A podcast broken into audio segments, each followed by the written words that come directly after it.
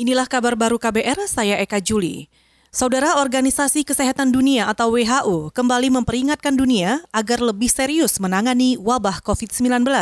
WHO menilai saat ini banyak negara yang membuat kebijakan salah dalam menangani pandemi virus corona. Direktur Jenderal WHO Tedros Adhanom menyatakan situasi pandemi global akan semakin memburuk jika negara-negara gagal mematuhi langkah pencegahan yang ketat. Ia khawatir sejumlah negara justru melonggarkan aturan di tengah peningkatan kasus corona. Virus masih menjadi musuh masyarakat nomor satu, dan saat ini banyak pemerintah yang tidak mencerminkan memerangi virus ini. Jika langkah-langkah penanganan tidak diikuti dengan tepat, maka virus ini akan terus menjadi ancaman. Direktur Jenderal Organisasi Kesehatan Dunia atau WHO, Tedros Adhanom juga mengkritik para pemimpin dunia yang memberi pesan campur aduk yang justru menggerus kepercayaan publik kepada pemerintah dalam upaya mengendalikan pandemi.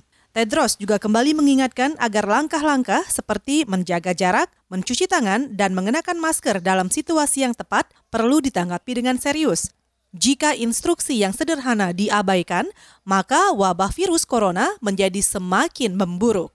Kita ke soal buronan Joko Chandra. Komisi yang membidangi hukum di DPR akan terus menelusuri kasus pembuatan paspor buronan korupsi Joko Chandra di kantor keimigrasian. Dalam rapat dengar pendapat dengan Direktur Jenderal Imigrasi pada Senin kemarin, Komisi Hukum DPR belum mendapat jawaban memuaskan dan masih banyak kejanggalan.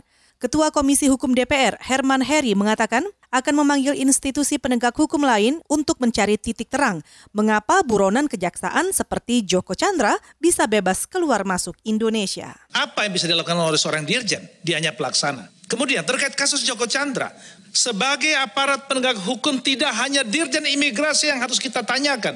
Masih ada aparat penegak hukum lainnya. Saya merekomendasikan kepada teman-teman, saya menawarkan. Kita mengagendakan memanggil penegak hukum lainnya Kesimpulan dari rapat ini kita mengundang, memanggil aparat penegak hukum lainnya agar kasus Joko Chandra menjadi terang benderang. Ketua Komisi Hukum DPR Herman Heri juga mengatakan instansi yang akan dipanggil akan ditentukan melalui rapat internal. Sebelumnya, kalangan anggota Komisi Hukum DPR mempertanyakan kinerja Direktorat Jenderal Keimigrasian yang tetap memproses permohonan paspor Joko Chandra. Joko Chandra merupakan terpidana kasus hak tagih Bank Bali yang merugikan negara 940 miliar rupiah.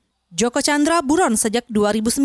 Namun baru-baru ini ia lolos ketika membuat KTP elektronik dan membuat paspor.